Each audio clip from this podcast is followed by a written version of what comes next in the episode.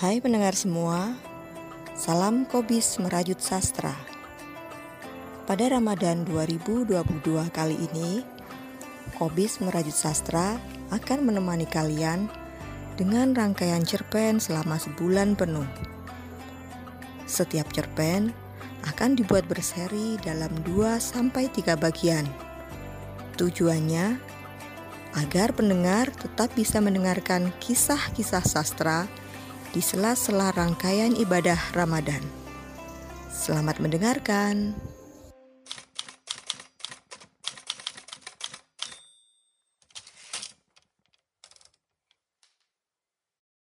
Cinta mengubah pikiran kelam. Cerpen karya Iman Suwongso. Bagian 1. Jam 23. Marmo dan Lasmi duduk berhadapan di meja berukuran 2 kali 1 meter. Meja yang sesungguhnya sudah usang. Di sana-sini ada lubang bekas dimakan rayap. Salah satu kakinya pun sudah diganjal batu bata. Namun, Lasmi membungkusnya dengan alas dari kain bekas panduk warna putih lebih rapi daripada dibiarkan telanjang. Lampu 5 watt menggantung tepat di atasnya, menyinari dengan redup isi ruang tengah ini. Di atas meja ada dua gelas minuman beracun. Sebelumnya, Lasmi sempatkan menengok anaknya yang telah tidur tidur di kamar berukuran 2 kali 3 meter. Hanya ada anaknya yang kecil tidur di atas dipan yang hanya cukup untuknya. Tidak berselimut, berkaos robek di ketiaknya, dan bercelana pendek yang robek pula di pangkal pahanya. Jadi, maaf. Si kecil tidur terlentang dengan burungnya melongok keluar lewat robekan celananya. Beberapa saat ruangan ini lengang. Mereka duduk seperti patung. Pikirannya kelam. Satu dengan lainnya tidak berani saling berpandangan. Mereka berdua telah sepakat mati bersama ketika peronda memukul tiang listrik 12 kali di tengah malam. Marmo malu kepada Lasmi. Ia istri yang baik.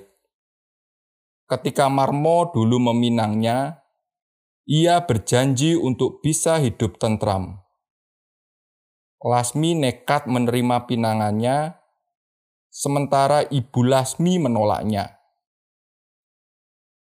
Bapaknya Lasmi mengusirnya ketika Marmo datang lagi.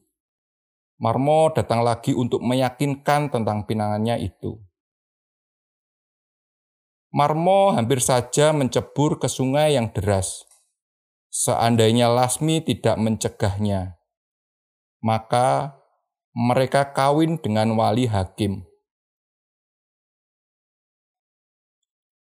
Tidak menunggu berganti hari, mereka merantau ke kota. Mereka kontrak kamar yang tak ada dapurnya. Ruang tidur dan ruang tamu bergabung menjadi satu. Marmo bekerja serabutan. Ia curahkan cintanya pada Lasmi di rumah sepeta itu. Lasmi hamil dan melahirkan di ruangan sepeta itu pula. Demikian bertahun-tahun berulang-ulang. Kata orang, hidup berputar seperti roda. Suatu saat, hidup mereka mulai tenang. Marmo diterima menjadi tukang cat. Lumayan. Hasilnya bisa untuk membayar uang kontrakan rumah yang besarnya tidak lagi sepetak tetapi rupanya roda berputar terlalu cepat. Marmo jatuh ketika mengecat di ketinggian. Peristiwa ini menyebabkan ia lumpuh total. Hidup keluarga ini tinggal di tangan Lasmi. Marmo tidak tahu bagaimana istrinya bekerja dan menghidupi keluarganya. Rupanya, dia juga terjebak rentenir. Malam hari setelah rentenir itu datang menagih, mereka duduk membisu. Marmo pandangi wajah istrinya yang masih cantik, meski badannya agak kurus. Ketika hampir tengah malam, Lasmi membuka mulut. Sudah tidak ada yang bisa diharapkan lagi. Tidak ada, tidak ada yang bisa kita lakukan. Suara yang pelan itu seperti ledakan di tengah kesunyian. Marmo menjatuhkan kepalanya. Ia sangat malu, sangat marah pada dirinya sendiri. Tinggal satu yang mungkin. Aku akan menjual milik kita satu-satunya. Aku akan bekerja di alun-alun. hanya gelap saja yang ada di depan Marmo.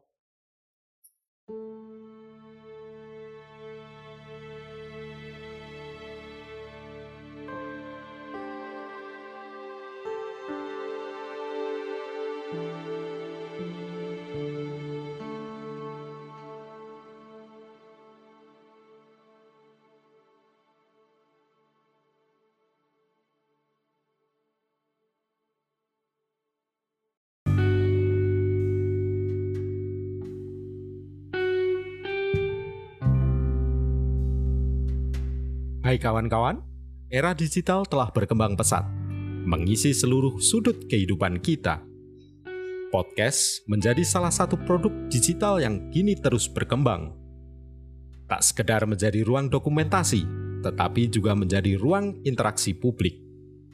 Bagi kawan-kawan yang ingin mempublikasikan karya podcastnya, Anchor pilihannya.